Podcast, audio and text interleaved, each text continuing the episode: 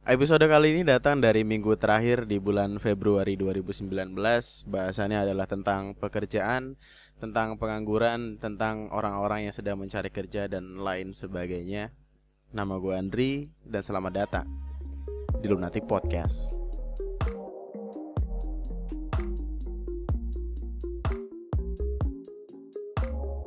Hai selamat malam calon jenazah. Selamat datang kembali di Lunatic Podcast. Balik lagi sama gue Andri Dan gue bakal nemenin waktu lo selama beberapa menit ke depan Mungkin setengah jam atau lebih Karena ada banyak hal dari bahasan kali ini yang pengen gue keluarin. Ada unek-unek yang pengen uh gitu secara uh gitu gue rasakan gitu. Jadi ini akan lama karena kalian akan mendengarkan Andri misuh-misuh. Andri marah-marah sama dunia yang tidak adil ini gini loh tadi gue pulang kerja nih gue stres segala macam pala gue pusing kerjaan gue nggak kelar kelar tiba-tiba gue buka TV ada orang nyanyi dangdut joget-joget pakai wig warna pink. Ya allah. Dan dia dapat duit banyak dari situ. Gue kerja banting tulang gue bergabruk pala jadi kaki kaki jadi jidat. Tapi tapi tidak sekaya itu aduh sedih tau sedih tuh. Waktu waktu kita lagi habis kerja nih kayak semangat banget. Wah aku bekerja wah, aku semangat. Ya, gitu tiba-tiba lu stres sama kerjaan lu pusing segala macem. Nyampe rumah ada yang tidak melakukan hal yang berguna tapi dapat uang. Ya Allah. Ya gitulah intinya lu bakal lebih sering ngedengerin orang marah-marah kayak gini. Sebelumnya gini gua kerja di salah satu perusahaan swasta di daerah Jakarta di daerah Cakung tepatnya uh, di situ gue kerja sebagai staff marketing jadi gue yang ngurusin ada orderan datang ada pokoknya dari orderan datang sampai produksi sampai ekspor gue yang ngurusin. Dan di tengah semua proses itu pasti gue nemu hal-hal yang nggak seharusnya gue temuin gitu. Dan yang gue rasakan ini yang hal-hal yang nggak seharusnya gue temuin ini yang bikin gue kayak gitu loh. Bikin kesel gitu. Kayak pernah gak sih lo ketemu sama orang yang cocok dijadiin sebagai temen Tapi gak cocok sebagai partner kerja. Pun sebaliknya lo nemu orang yang cocok dijadiin partner kerja Tapi gak cocok dijadiin temen Ada juga yang sebaliknya Eh ada juga yang dua-duanya. Jadi cocok sebagai temen Cocok sebagai uh, partner kerja Pun ada yang gak juga dua-duanya. Jadi ya gak cocok sebagai temen Gak cocok dijadiin partner kerja juga Apalagi dijadiin istri Tidak bisa itu. Dan itu yang ngebawa gue ke ke ke kesalahan ini gitu.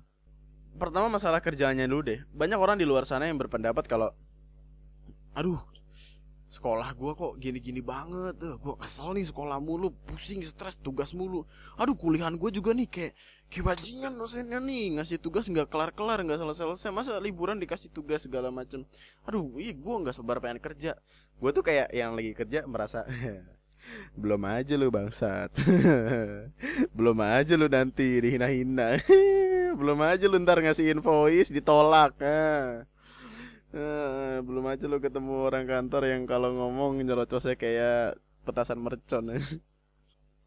Jadi ini ini biar gue mulai dengan sebuah saran sederhana gitu buat lo yang lagi sekolah, buat lo yang masih sekolah atau masih kuliah. Kalau lo nganggap apa-apa yang lo dapatkan di sekolah dan di perkuliahan itu adalah hal yang terburuk kayak tugas, kesel sama tugas, kesel sama dosen dan segala macam. Lo pasti akan kesusahan juga gitu di dunia kerja karena semuanya tuh ngandelin diri lo sendiri. Lo cuma bisa bergantung sama diri lo sendiri, keputusan sama eh keputusan yang lo ambil itu bakal nentuin gimana lo nantinya. Ya mungkin ada satu dua bantuan dari teman-teman lo tapi tetap aja itu ya fokus utamanya ada di lo gitu. Jadi saran gue adalah jangan jangan jangan kebanyakan mengeluh di tugas sekolah dan tugas kuliah. Lu kalau ada di kerjaan yang maksa lu yang ngepus lu terus itu tuh lu, lu jadi apa gitu ntar? Maksud gue kalau lu ada di, lagi ada tugas segala macem ya kerjain aja gitu dengan semangat gitu dengan dengan pantang menyerah dengan uh, dengan kekuatan bineka tunggal ika persatu uh, persatuan gitu dan nanti waktu di dunia kerja lu kayak bakal ah oke okay, gini doang. Iya iya ambil santai santai ntar gue kerjain malam selesai. Besok selesai. Ini kalau kalau perlu satu menit ini selesai gitu. Jadi jadi janganlah gitu terlalu banyak mengeluh sama hal-hal yang yang ada di dunia sekolah atau dunia kuliah gitu. Karena nanti di kerjaan takutnya lu kaget aja gitu. Sekedar saran aja nih saran nih. Gue gue juga sebenarnya uh, tidak kuliah saya tahu. Gue tuh berpendapat gini loh.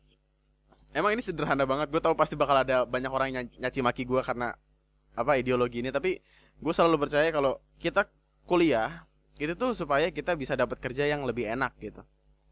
Ya.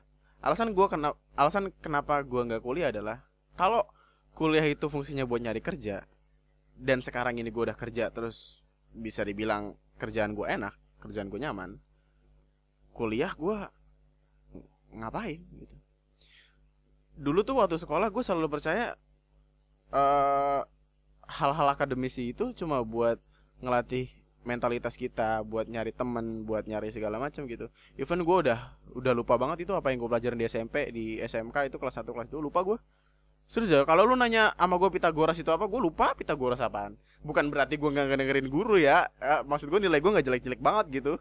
Tapi ya cuma sedikit yang kepake gitu nantinya kayak misal lu di sebuah kerjaan nih uh, lu disuruh bikin apa klip clipping kan? Lu disuruh bikin invoice buat dikasih ke orang yang pengen nawar saham di tempat lu. Wah berat banget.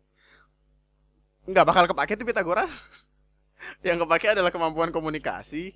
Yang kepake adalah kemampuan buat menulis buat ngasih kata-kata di invoice itu supaya bagus uh, rundingan masalah harga dan gue pikir hal-hal kayak gitu bisa gue dapetin di luar perkuliahan gitu.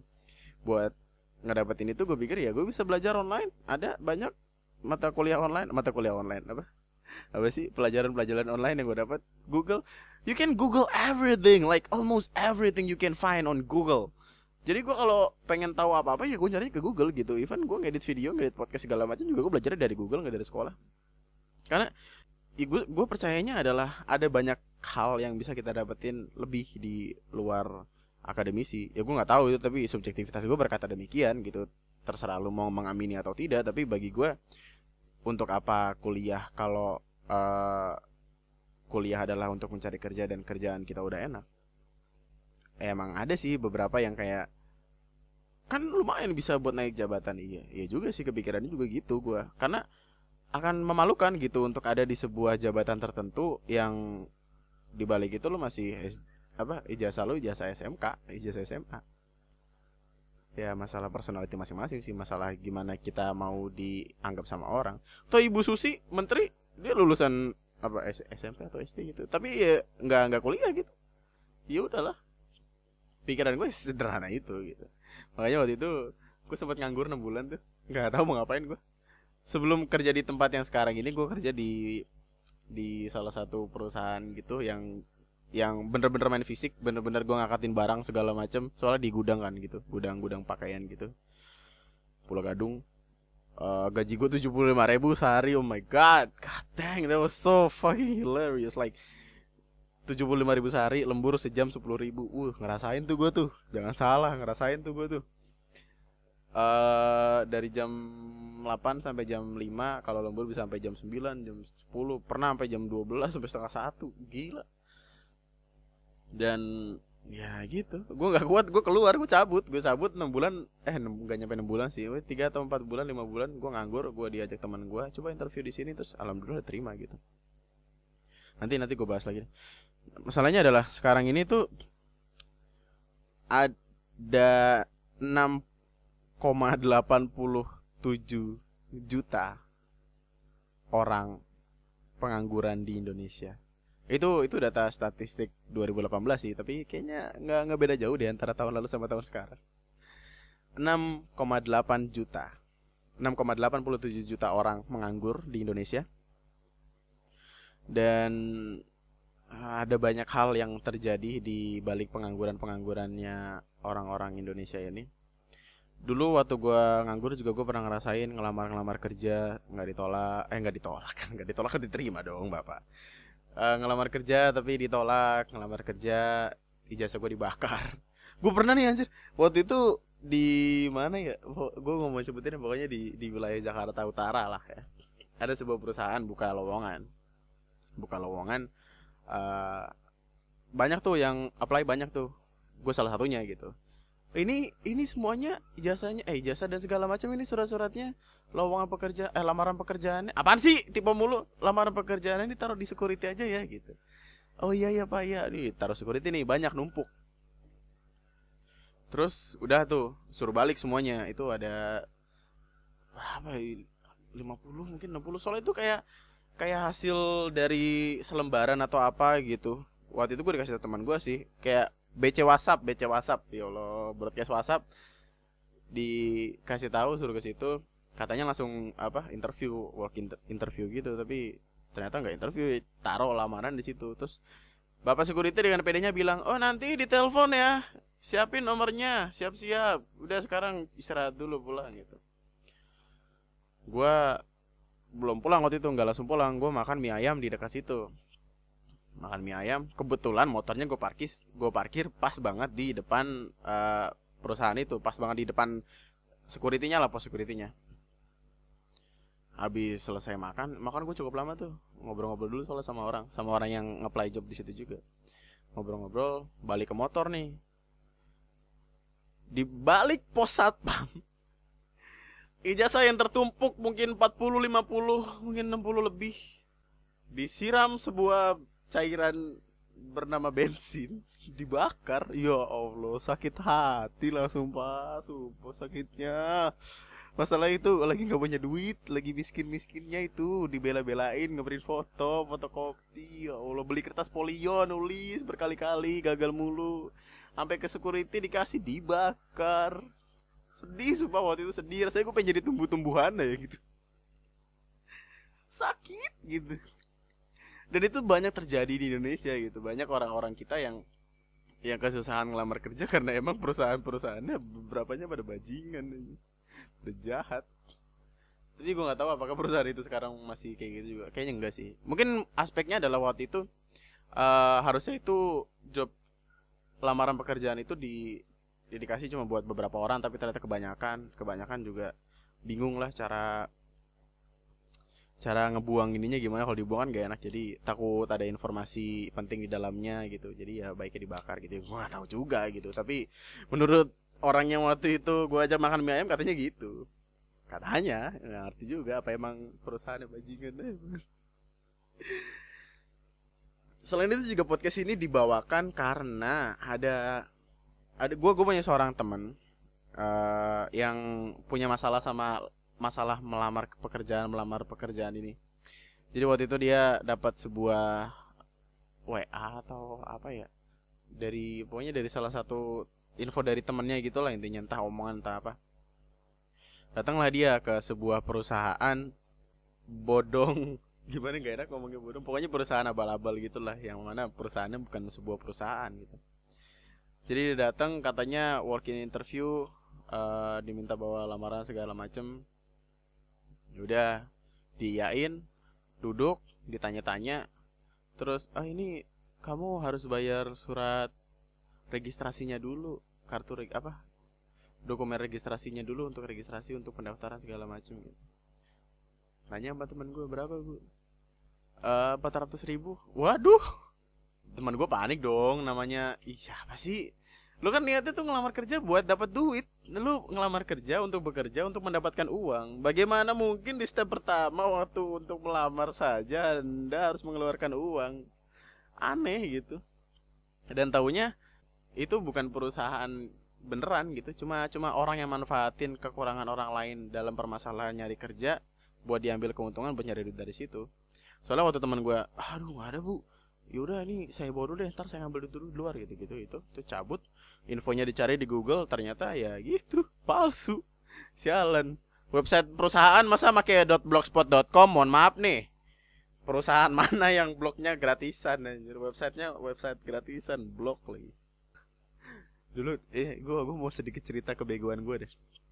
Beberapa bulan setelah gue lulus itu gue sempet yang namanya ikut kayak yayasan-yayasan gitulah. Lu tau lah apa pun yang dilakukan kita akan melakukan apa pun untuk mendapatkan sebuah pekerjaan gitu. Meskipun caranya nggak benar. Gue pernah yang namanya waktu itu pengen ngelamar ke sebuah perusahaan tapi lewat yayasan. Jadi kita kayak dites dulu gitu. Ada ratusan orang, 100 200 orang gitu dites di satu sekolah gitu suruh ngisi segala macam katanya sih psikotes gue isi isi aja asal gitu gue isi D semua juga dia nggak peduli terus dibawa ke tempatnya waktu itu di Cikarang atau kalau nggak salah ya. Terus di interview rame-rame. Di interviewnya kayak kayak kayak lagi abis maling ayam tuh gak jadi kita baris nih waktu itu berlima kalau nggak salah baris berlima. Ditanyain satu-satu e, kamu lulusan apa? E, kalau kamu e, kamu ayam tetangga mana kamu maling? Nggak nggak nggak baik deh nggak beres nggak beres. Nah, akhirnya juga gue nggak diterima di mana-mana nggak nggak nggak nggak dapatan kerja juga soalnya ya nggak tahu nggak jelas. Tapi ya beruntungnya duitnya dibalikin. Masalahnya waktu itu ada sebuah bukan sebuah sih sebangsat orang. Gue kesel banget sama orang ini soalnya sekarang. Uh, saudara gue salah satu saudara gue ini dia kenal sama orang gitu katanya ini lewat ini aja lewat orang dalam bayar eh, satu uh, juta buat kerja di ini PT ini ini ini ini gitu di daerah Jakarta juga gitu terus wah iya nih bagus tempatnya di dekat rumah juga gitu nggak jauh-jauh banget. Ya udah yaudah ini duitnya kasih aja ke dia gitu. Duit tadi kasih ya udah tunggu tunggu panggilan ya tunggu panggilan. Iya tunggu panggilan. Tunggu panggilan? Iya tunggu panggilan. Gue teleponin gue pernah tuh gue gue gue sms nggak dibales kan gue telepon. Oh iya iya sebentar ya nanti kalau ada nanti kalau ada yang kosong lagi saya kasih tahu soalnya sekarang lagi full gitu nanti sabar ya gitu. Iya. Oh, sampai sekarang tidak dipanggil panggil bapak. Sabar banget gue sampai sekarang itu uang tidak tahu jadi apa. Kayaknya itu udah jadi uh, susu anak udah jadi garam micin. Itu micin yang tadinya udah bisa ngebikin bego itu pakai duit haram lebih bego lagi. Nggak nggak nggak guna. Gue keluar duit juga jadinya nggak guna. Gue niatnya tuh ya biar bisa kerja gitu. Soalnya nyokap gue kasihan sendirian ngapa ngurusin gue sama nyokap gue sama adek gue gitu jadi single mom tuh sulit gitu. Jadi seenggaknya gue harus kerja segala macam tapi ya ya nggak kerja kerja. Waktu itu gue sempat nge YouTube sih jadi sempat ada pemasukan gitu. Cuma nggak nggak seberapa lah kalau dibanding sama pengeluaran. Jadi ya butuh kerja. Tapi sekalinya mau dapat sesuatu yang bisa gue pakai buat kerja beneran malah tidak kembali tidak kembali tidak berguna. Satu juta hilang begitu saja. Cuma sekarang oh mungkin sekarang gue akan mengikhlaskan itu. Anggap aja itu sebuah amal gitu uh, paling ini ntar kalau yang punya duit ini sakit uh, infusnya tuh ngadet-ngadet gitu kan siapa tahu gitu. Mungkin waktu mau operasi itu uh, dokternya bersin bersin gitu sampai salah satu urat ah maaf keputus gitu. Astagfirullahaladzim ya Allah. Jangan gak, gak Ikhlas ikhlas ikhlas. Ya Allah ikhlas. Gak apa-apa gak balik juga. Yang penting halal Buat lu lah Bodo amat. Gak peduli gua. Yang penting sekarang gua udah kerja. Jadi sekedar saran nih Untuk orang-orang yang lagi nyari kerja di luar sana Terus bingung gimana nyari kerja yang baik dan benar sampai akhirnya uh, mutusin buat ikut yayasan atau ngebayar orang sekian buat jadi orang dalam tanda kut dalam tanda kutip orang dalam. Hmm, hati-hatilah gitu. Pilih orang yang terpercaya yang memang benar-benar terpercaya yang benar-benar tanggung jawab yang yang gimana ya yang kalau lo dibawa sama dia lo nggak ada masalah. Soalnya ini ini kalimat gue dapat dari dari dari mana gitu gue lupa. Entah dari twitter apa dari teman gue gitu teman kantor. Intinya dia bilang kayaknya lu sekarang pendidikan nggak terlalu berguna deh. Kenapa? Ya soalnya waktu lu masuk kerja lu nggak bakal ditanya nilai lu berapa. Yang ditanya bakal oh siapa orang dalamnya? Gitu. Ya gitulah aduh ya Allah maaf nih mohon maaf nih. Ya intinya gitu kalau lo pengen melamar sebuah pekerjaan uh, yang baik-baik aja lah gitu. Kalau bisa ngelamar sendiri jadi lo nggak ada di atas tanggung jawab orang lain karena nggak enak juga gitu. Kalau misalnya kita bikin salah takutnya nanti kalau kita bikin salah segala macam kan gak enak juga gitu. Soalnya ada tanggung jawab selain selain dia tanggung jawab sama kerjaannya dia sendiri dia juga tanggung jawab sama sama lu gitu. Jadi takutnya nggak enak aja. Baiknya sih kalau ngelamar kerja tuh sendiri dan nggak ya nggak ngerepotin orang lain lah gitu. Mandiri mandiri. Uh, saran gue sih kalau lo pengen nyari kerja ya lo ke website website. Ada tuh banyak tuh website buat nyari kerja kayak job street tuh. Teman gue waktu itu ngeplay di job street langsung dipanggil interview uh, ditanya-tanya kerja langsung. Terus ada apa ya pokoknya online online tempat nyari kerja di website website tuh udah banyak banget gitu. Jadi mungkin lu bisa cari yang penting lu bisa nyeken KTP ijazah segala macam lu scan. Pastiin lu ngasih uh, ngirimin itu via email dengan cara baik-baik ya. Mohon maaf nih kemarin gue lagi kerja enak-enak tiba-tiba ada email masuk email masuknya itu email email ngeplay kerjaan gitu. Email ngeplay kerjaan tapi kata-katanya nggak bagus gitu lah nggak sopan. Dia subjeknya tuh udah masuk akal lah gitu lamaran pekerjaan gitu. Tapi di di emailnya nggak ada isinya. Ya nggak sopan pak mohon maaf nih. Biar saya beritahu sedikit tentang bagaimana tata cara untuk melamar pekerjaan dengan email ya. Soalnya banyak yang masih salah kaprah gitu. Segala segala macam hal salah dia lakuin. Waktu itu ada yang ngeplay kerjaan ngirim uh, apa sih namanya daftar riwayat hidup. Tapi di bawahnya ada, di kalian ada menyanyi. Di prestasinya ada juara tiga lomba dangdut. Satu apa gitu satu kecamatan apa satu daerah. Nggak penting bang gue kesel banget semua waktu itu. Gue lagi kerja lagi stres segala macem. Dimintain invoice buru-buru aja buru-buru. Tiba-tiba buka email ada yang melamar kerjaan di daftar riwayat hidup dengan PD ditulis juara tiga lomba dangdut. Saya tidak saya tidak sedang merendahkan dangdut tapi bisa lu buang gitu. Jangan jangan lu taruhin di CV jangan. Jangan tolong lu. Kalau lu pengen ngelamar kerjaan pakai email lu uh, lu tulis di email itu gitu. Di di emailnya maksudnya bener-bener di emailnya.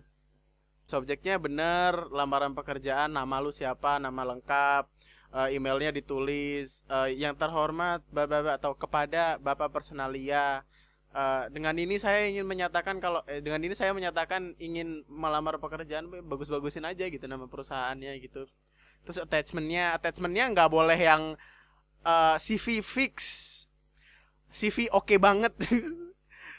Waktu itu apa ya? Waktu itu ada yang ngirimin gue uh, bukan CV biodata oke okay banget sip. Gitu aja biodata oke okay banget sip. Dot doc waduh nangis. Gue bacanya nangis. Itu manajer HRD gue ngelihat kayak gini dibanting gitu komputernya. Ya sopan gitu. Uh, eh, CV nama lu siapa? Nama panjang. CV Andrianto gitu. Daftar riwayat hidup Andrianto gitu. Surat-surat kelengkapan gitu. STNK SIM. Ya enggak gitu. Jadi uh, melamarlah dengan dengan dengan baik-baik. Dengan kalimat yang sopan tidak dengan bangsa. Karena kalau anda attitude-nya sudah jelek waktu melamar anda akan dibunuh waktu kerja. Kalau diterima ya kalau diterima lu dibunuh waktu kerja. Tahapan selanjutnya adalah interview. Uh, gua gua nggak bisa ngebahas banyak masalah ini karena gua baru baru berapa kali gitu di interview mungkin dua atau tiga kali dan ya langsung langsung kerja beneran gitu. Maksudnya kerja dalam konteks gua udah bisa selamanya di tempat itu di tempat inilah. Kalau interview tuh saran gue ya lo pakai baju yang benar gitu yang sewajarnya pakai baju hitam putih gitu. Soalnya soalnya gue gue salahnya gini.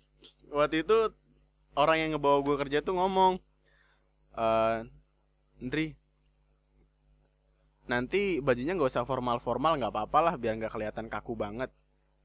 Gue afirmasi kata itu dong. Gue kan orangnya afirmatif nih jadi kayak oke okay, siap gitu. Jadi gue cuman ke sana uh, dengan sebuah sandal. Sumpah gue pakai sandal. Gue pakai sandal. Tapi sandalnya yang agak ketutup gitu kayak apa kayak carfil gitu lah kayak carfil yang buat naik gunung gitu. Gue pakai kos kaki uh, pakai celana jeans pakai baju kemeja jeans. Udah pakai jam. Soalnya ya dia bilang nggak usah formal formal nggak apa-apa. Oke siap. Jabanin waktu nyampe di tempatnya orang-orang yang pelamar apa yang interview lain pada duduk dengan setelan hitam putih pakai sepatu pantopel rambutnya kelimis gue ngeliatin kayak gitu nangis gue temen gue bangsa temen gue bangsa entah gue yang salah karena salah mengartikan mana formal mana informal tapi kayaknya gue merasa bersalah banget. Sumpah itu gue berdosa banget. Sama atasan gue sekarang nih dia yang interview gue waktu itu. Kayak gue berdosa banget dengan dengan pakai baju yang gak sewajarnya. Jadi gue pakai baju lepis. Kemeja lepis coy. Interview kerja? Ya allah. Uh, tunjukin apa yang lu bisa waktu lagi interview. Pengalaman gue gini. Gue itu kan lulusan SMK ya gue lulusan SMK waktu itu ada lima orang di interview. Pertama kita di interview sama satu orang yang mana itu kayak manajer HRD atau Aksim atau nggak apa lupa orangnya udah nggak ada sekarang. Pokoknya di di interview pertama dulu nah terus habis itu gue di interview sama direkturnya langsung. Jadi dari lima ini kepilih tiga uh, gue ada salah satunya uh, orang abis kuliah salah satunya teman kerja gue sekarang ini jadi yang mau diterima tuh dua orang. Gue naik tuh celuk celuk celuk berdua gue naiknya sama sama yang baru kelar kuliah ini S1 S1 ekonomi ya mohon maaf nih. Kita berdua. Gue make setelan kemeja lepis gue dengan bangga dengan riang gembira. Dia make oh rapi banget sumpah gue nggak bohong. Dia rapi banget itu kalau dia cewek gue pacarin itu. Dia make make kemeja rapi make dasi make uh, celana bahan sepatunya coklat uh, mengkilap rambutnya klimis beda itu kayaknya habis diolesin minyak tanah satu jerigen. Udah nih masuk ke ruangannya duduk sampai sampingan gue sama dia. Datanglah direktur gue yang sekarang ini. Waktu itu uh, interview gue karena bagiannya marketing jadi gue pas banget uh, jadi ada di bawahnya si direktur ini. Interview. Waktu dia datang waktu direktur gue yang sekarang datang buat interview itu. Langsung ngeliatin gue coy. Serius gue terdiam terdiam. Namanya ada dia kan orang Korea nih. Orang Korea kan kalau nyamperin uh, kita harus bangun lah. Entah entah itu aturan Indonesia juga atau gimana tapi gue bangun. Gue bangun tegap nih gue ng ngadep ke depan. Terus baru salaman sama dia dia tuh gue bisa lihat dari sudut mata kiri gue nih dia ngeliatin gue kayak ini si bangsat mau main ke mall apa gimana abis ini Waktu dia nggak ngeliatin ke bawah gue pakai sendal anjir. Malu. Terus di interview lah. Sederhananya gini gue adalah anak yang baru lulus SMK waktu itu 19 tahun umur gue I know nothing about life gitu. I know nothing about works and some stuff like that. Samping gue ada seorang anak anak sih udah tua.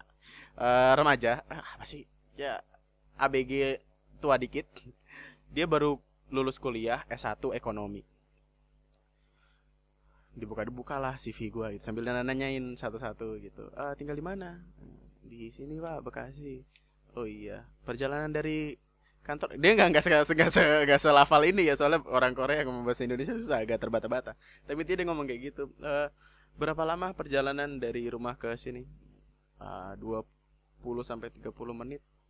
Mister gitu. Gue ngomongnya Mister soalnya dia bule kan dia orang Korea Mister. Uh, udah tuh. Cuma cuma dikit doang gue ditanyain ya tutup kayak saking gak menariknya gitu apa yang ada di dalam lamaran kerjaan gue gitu. Terus dibuka-buka lah yang samping. Wah lama dibukanya tuh. Kayak dia lagi baca apa baca kitab apa gimana itu baca tuntunan hidup bagaimana cara menjadi manusia yang baik dan benar itu lama dibacanya. Ditanya-tanyanya juga banyak.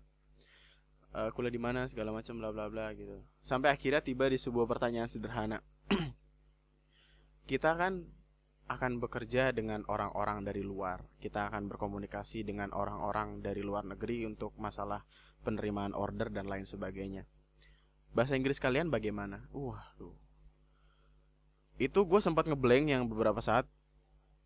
Uh, jujur waktu itu gue seneng karena kebetulan gue sering banget nontonin video, eh nontonin film, filmnya bahasa Inggris kan segala macam. Gue nontonin Harry Potter, Harry Potter juga gue ulang-ulang terus, jadi ya seenggaknya sedikit banyak gue ngerti lah bahasa Inggris itu yang di samping gue ini bingung. Karena dia gue nggak tahu uh, masalah bahasa Inggrisnya kurang atau gimana. Jadi gue dulu nih uh, ngobrol sama si apa Mister Mister Kim namanya Mister Kim ini direktur gue ini. Uh, dia masih ngomong pakai bahasa Indonesia di awalnya. Ini bahasa Inggris kamu lumayan di ijazah kamu coba kamu perkenalkan diri pakai bahasa Inggris. Waktu itu bahasa Inggris gue tuh masih goblok masih belum belajar. Kenapa tadi gue bilang uh, eh, gue kerja sekaligus belajar? Karena di situ gue belajar bahasa Inggris banyak banget kan. Kepake sehari-hari soalnya. Gue waktu itu masih perkenalannya gimana ya? Uh, my name is Andri I'm 19 gue cuma bilang 19 gak years old. I'm 19 maksudnya gue ada 19 gitu di luar dunia tuh ada 19 gue gitu uh, I'm 19 uh, I used to school at SMK teman SMK bla bla bla gitu. Uh, I choose multimedia as my basic study so I will be good at Microsoft and I will be able to do lot of job in computer and some stuff like gitu. Gue ngomong halus lembut pelan pelan soalnya grogi. Takut gitu. Terus uh, ditanyalah sebelah gue uh, can you introduce yourself gitu? Introduce yourself nah, gitu, nah, gitulah perkenalkan diri lu gitu intinya direkturnya ngomong. Yang di samping gue nih kebingungan gitu. Bingungnya mungkin karena dia belum terbiasa sama bahasa Inggris atau gimana intinya dia kayak uh, terbata-bata gitulah gitu. di situ oh saya senang sekali. Ternyata ada satu hal yang bisa saya banggakan dari dari diri saya gitu. Terus ya udah gitulah habis itu kita disuruh nanya. Nah ini mungkin pertanyaan bahkan dari semua uh, semua orang yang interview sebelum kerja. Dia nanyanya ada pertanyaan? Wah. Waktu itu gue mencoba untuk menjadi seseorang yang sok intelijen sial. Apa sih? Sok sok sok so pengen nanya gitu lah. Dan gue nanyanya tuh waktu itu gue dapat pelajaran waktu itu gue dapat artikel dari mana gitu Korea Selatan itu biaya ekspornya mahal. Uh, berapa puluh persen dari dari dari apa yang dikeluarin lah gitu. Pokoknya pajaknya mahal buat ekspor. Di Indonesia pajaknya sedikit. Mungkin 5% atau something gue nggak tahu. Pokoknya intinya gue tahu di Korea pajaknya lebih besar untuk ekspor impor. Jadi intinya gue pengen nanya kenapa akhirnya perusahaan ini ada di Indonesia? Apa karena uh, pajaknya kecil? Gue pengen nanya gitu. Gue nanyanya uh, jadi kenapa Indonesia gitu? Iya kenapa pilih Indonesia? Maksud gue tuh perusahaannya kenapa di Indonesia gitu?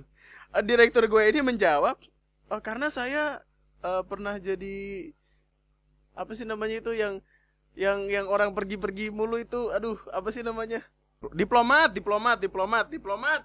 Dia tuh diplomat gitu kan jadi dia jadi salah satu diplomat di Indonesia gitulah. Terus akhirnya dia ngejawab bukan ngejawab kenapa perusahaannya ada di sini tapi ngejawabnya kenapa dia ada di sini. Jadi jawaban dia adalah uh, karena saya adalah seorang diplomat. Tapi tapi keuntungan dari gue bertanya itu adalah sebelum ngejawab yang interview gue ini direkturnya gue ini ketawa. Jadi kayak kayak gue gua gua bisa ngebikin ketawa orang yang interview gue that's a big deal on it gue akhirnya ngerasa kayak wah kayaknya gue aman nih kayak gue aman nih gitu.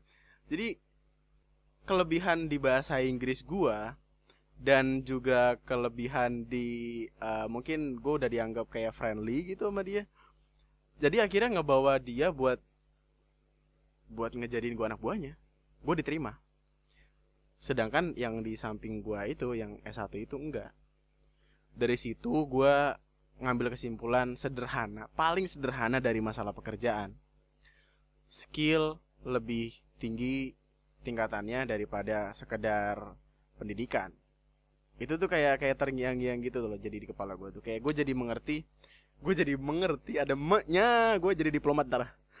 Jadi gue gue jadi ngerti gitu. Kayak nggak nggak selamanya uh, tingginya pendidikan seseorang tuh menentukan apa-apa yang bakal dia kerjain nantinya gue udah ngerasain itu dan bener-bener orangnya di samping gue pas gitu. S1 ekonomi man you can do almost everything dengan dengan S1 gitu. Tapi akhirnya yang dipilih ya seorang anak usia 19 tahun yang yang cuma bisa bahasa Inggris. Karena emang big dealnya di situ. Waktu gue masuk kerja ya yang gue lakuin ya komunikasi pakai bahasa Inggris. Dan itu tuh bakal jadi sangat amat menyebalkan untuk atasan dari orang yang mempekerjakan seseorang buat ngobrol sama orang dengan berbahasa Inggris tapi orang yang dipekerjain ini nggak bisa bahasa Inggris. Jadi intinya apply kerjaan sesuai sama skill yang lu punya. Tidak melulu tentang uh, lu lulusan apa lu pengen jadi apa. Tapi skill lu di mana lu apply kerjaan lu di sana. Karena sekali apa lu bisa kerja sekaligus belajar lebih tentang apa yang lu suka. Dan terbukti gue jadi kayak lebih bisa ngomong bahasa Inggris sih. Ya yeah, walaupun dulu biasanya dulu biasanya cuma apa? Yes no no smoking. Gue sumpah waktu itu gue zaman zaman belum kerja tuh gue ngeliat ada di mall nih ada tulisan wet floor aja gue mikir. Gue kira itu wet floor. Wet itu hmm, basah ya wet itu basah floor itu tepung apa ya? Tepung tepung floor tepung masa tepung basah? Nggak ada tepung gue ditabuk sama temen gue lantai basah goblok. Jadi saran selanjutnya tuh itu jadi apply kerjaan sesuai sama skill lo. Jangan terlalu mentingin tentang masalah uh, pendidikan karena masalah karir itu nggak selamanya ditentuin sama pendidikan lo. Banyak orang di luar sana yang yang akademisnya tuh ya nggak sebagus yang lainnya tapi kerjanya udah enak gitu skill lebih diutamain daripada sekedar pendidikan karena ya ada gue aduh gimana ya? ini akan terdengar jahat tapi akan bisa diamini sama orang-orang juga kalau gue bilang banyak orang belajar bukan mempelajari apa yang mereka suka teman-teman gue contohnya mereka banyak dari eh, banyak dari mereka yang yang kuliah salah jurusan nggak nggak sesuai sama minat mereka. Akhirnya mereka pasain mereka pasain ya hasilnya mungkin hasilnya ada di bisa atau enggak tapi pada akhirnya kalau kalau lu nggak berhasil mempelajari itu ya lu nggak bakal dapat apa-apa. Jadi pelajaran yang udah dapat di akademis kayak di kuliah atau sekolah jadinya kebuang sia-sia gitu. Lu ngeluarin duit sekian banyak untuk melakukan sesuatu yang tidak lu suka. Gitu masalah interview udah selesai masalah selanjutnya adalah tentang hmm, tentang embel-embel uang di dalamnya. Kita seperti halnya pertemanan tadi yang tadi gue bilang di awal, ada orang yang cocok dijadiin teman, ada yang gak cocok dijadiin teman. Masalah gaji juga kayak gitu. Masalah kerjaan intinya deh. Ada yang uh, teman-teman kita enak, tapi gajinya gak enak. Ada yang gaji kita enak banget, mantep banget, tapi teman-teman kita pada bangsa. Ada yang gaji sama tempatnya enak ada juga yang gajinya gak enak tempatnya gak enak ada. Dan ya kayak gue bilang tadi carinya tuh yang pas gitu. Kalau lu ngeplay kerjaan sesuai skill sesuai apa yang lu suka meskipun kayak gajinya nggak seberapa cukup buat makan cukup buat beli motor cukup buat nyewa rumah itu cukup kan? Itu tuh meskipun ya nggak sebanyak itu tapi lu bisa lu bisa bersyukur karena lu akhirnya ngelakuin apa-apa yang lo suka. Dan dan ada saran ada saran? Kalau misalkan lo baru diterima kerja atau baru baru pengen ngeplay di sebuah pekerjaan besoknya mau masuk ada sebuah saran sederhana tentang masalah adaptasi. Bulan pertama is a living hell. Kalau lo baru masuk kerja bulan-bulan pertama adalah bulan-bulan penuh kebangsatan pasti percaya gue uh, karena nggak nggak semua tempat menyenangkan. Emang ada beberapanya yang menyenangkan dan dan lu bisa langsung betah di tempat itu tapi uh, gua rasa semua orang di waktunya adaptasi itu perlu yang namanya buat buat jadi anak baru gitu nih waktu gue pertama kali masuk tuh hmm, gue belajar banyak banget hal dan ya kayak normal human being nggak nggak secepat itu pinter. Dan ada satu dua hal yang mungkin kayaknya kalau gue masukin ke hati tuh bakal jadi bakal jadi bikin gue keluar dari tempat itulah gitu. Di bulan-bulan pertama saran gue ya semuanya jadi dimasukin ke hati. Cukup cukup masuk ke kepala lo terus lo lempar aja lo buang gitu. Masuk telinga kanan mental gitu. Nggak masuk telinga kanan keluar kuping kiri nggak. Masuk telinga kanan nggak bisa mental gitu. Udah. So oke okay, gitu. Ambil baiknya buruknya buang kata-kata makiannya buang. Gue ada di sebuah tempat yang memaksa gue buat jadi orang yang tegas buat jadi orang yang yang gak boleh menye-menye. Soalnya kan dulu waktu waktu gue kelar sekolah tuh gue tipikal orang yang pendiam kan. Dan gue emang gue seneng ngobrol sama orang tapi cuma di keadaan-keadaan tertentu doang. Dan itu jadi masalah nantinya di di tempat gue kerja. Gue sadar itu gue improve diri gue jadi lebih baik lagi. Karena masa-masa awal lu kerja itu ya masa-masa di mana lu berubah lu nggak jadi diri lu yang kemarin lu jadi diri lu yang lebih baik yang lebih bagus buat diterima sama kerjaan lu buat bikin kerjaan lu lebih nyaman lebih enak dan bikin semuanya jadi baik-baik aja di bulan-bulan selanjutnya. Kalau masalah ada lu takut ada orang yang benci lo atau gimana ya tenang aja. Semua orang kayak gitu rata-rata kayak gitu. Semua orang rata-rata baik di awal doang percaya gue dulu juga gue waktu kerja nih orang-orang pada baik banget nih sama gue kasih makan segala macam makanan tuh ada aja di meja gitu. Sekarang ya, waktu lu udah tahu busuk-busuknya ya ya tetap jadi tetap jadi biasa aja gitu. Cuma kayak oh cukup tahu cukup tahu cukup tahu. Gitu. semuanya tuh nantinya bakal baik. Atau mungkin ada yang dari awal udah jahat tapi lebih banyak yang awalnya baik tapi endingnya bangsat gitu. Endingnya ya lo lo lo nggak suka sama dia atau dia nggak suka sama lo ini tentang masalah subjektivitas ini tentang masalah gimana kita berperilaku sama sosialisasi kita. Tapi ya saran gue kalau lo baru masuk kerja hati-hati. Belajar gitu improve improve. Kayak misalkan kalau ada atasan lo atau siapa gitu nanya kamu bisa nggak ngerjain ini? Lo jangan langsung bilang enggak gitu. Di dari pekerjaan yang gue sekarang tuh gue belajar kalau kita nggak boleh ngomong enggak. Bolehnya belum kamu bisa nggak ngerjain ini? Aduh belum pak. Uh, kalau saya diajari saya pasti bisa gitu. Nggak boleh ngomong enggak kamu bisa nggak ngerjain ini? Uh, enggak pak. Ya, terus kalau enggak kamu nggak ada niatan belajar? Uh, mati kan lo bingung kan? Ayo. Eh ayo ayo gue sebenarnya benci orang-orang kayak gini nih kayak udah tahu udah tahu udah tahu jawabannya nggak enak ya masih dilanjutin lagi. Kayak kayak tipikal orang yang kamu ingin kerja di tempat ini yakin? Yakin pak uh, kamu punya pacar sekarang? Aduh punya pak. Aduh gimana gimana kamu mau kerja kalau kamu punya pacar? Mana bisa kamu kerja sambil pacaran? Nanti kerjaan kamu gak selesai segala macam kayak gini kayak gini kayak gini. Yaudah deh pak, nanti kalau saya keterima kerja di sini saya saya saya putusin pacar saya. Apa apaan kamu sama pacar saya tidak setia apalagi sama pekerjaan. kamu ingin kamu ingin keluar di di kerjaan ini dalam waktu berapa lama kamu? Ha? Sama pacar saya tidak setia, waduh. Bunuh saya pak, bunuh pak. Bunuh pak biar saya hidup di surga.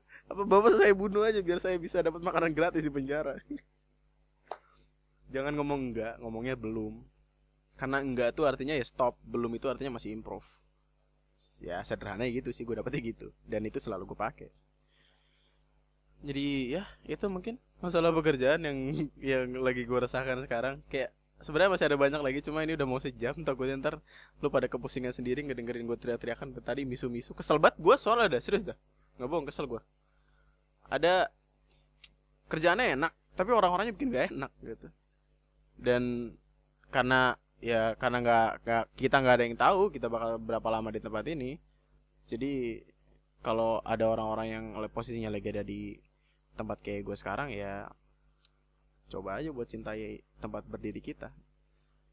Karena kita selalu punya dua pilihan dalam hidup. Pergi dan cari tempat baru atau cintai tempat berdirimu itu. Dan buat sekarang gue lebih milih buat jatuh cinta sama tempatku berdiri karena karena cuma ini yang bisa mendatangkan uang. Kalau tidak saya akan miskin menggembel saya akan makan nasi goreng lauknya nasi. Nasi lauknya nasi goreng indomie lauknya bumbunya. Aduh jok bapak-bapak. Itu aja buat podcast gue kali ini. Semoga lo bisa ngedapetin pelajaran berharga dari ini. Uh, eh, gue tunggu kritik saran dan opini dan baiknya apa apa yang mesti gue omongin di Instagram gue DM aja Instagram gue di lunatic twister. Nama gue Andri sekian dan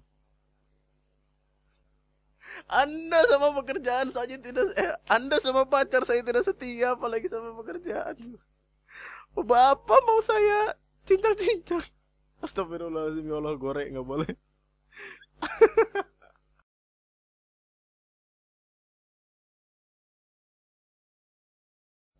Dan sekarang waktunya ngejawab-jawabin pertanyaan. Ada beberapa pertanyaan yang sebenarnya menarik banget dan bener-bener pengen gue jawab.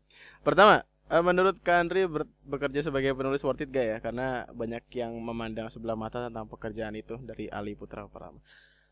Hmm, menjadi penulis kayaknya adalah salah satu hal. Gue nggak tahu karena gue belum menjadi penulis.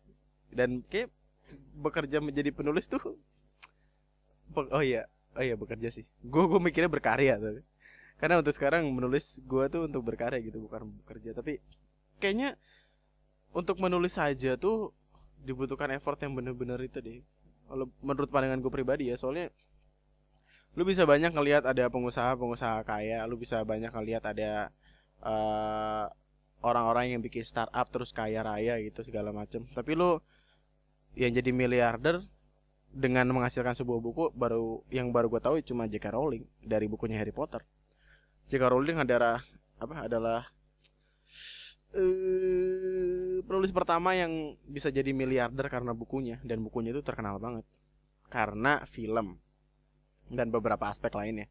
Jadi gue pikir dengan menjadi penulis doang mungkin worth it, tapi bakal lebih worth it lagi kalau dilempar ke hal-hal lain. Kayak misalkan Radit, Radit Dika, bukunya bagus dan dia udah cukup sukses sama bukunya, tapi ketika itu dilempar lagi ke karya lain kayak film segala macam ya lebih kena, lebih hebat. Jadi itu berkarya sekaligus mengetes uh, kita bisanya ke mana dan kerja sesuai sama apa yang kita suka gitu. Lempar-lempar aja dari dari nulis jadi buku buku jadi film film jadi materi stand up jadi materi stand up ke mana-mana ke pembicara segala macam ya. Kalau menurut gue pekerja sebagai bekerja sebagai penulis worth itnya ada di hal-hal yang bisa kita dapetin dari kreativitas kita menulis bisa dilempar ke hal-hal lainnya. Itu iya Mario Teguh kali bangsat uh, pertanyaan selanjutnya mending kerja ngikutin passion atau mengutamakan duit itu kebutuhan Oke, gue dulu pernah ada di titik ini. Gue mempertanyakan gue pengen kerja apa yang gue suka atau kerja yang menghasilkan uang lebih banyak. Dan keputusan gue diambil pada eh bekerja yang lebih menghasilkan uang. Gue karena bercoba mengejar passion eh, kalau miskin.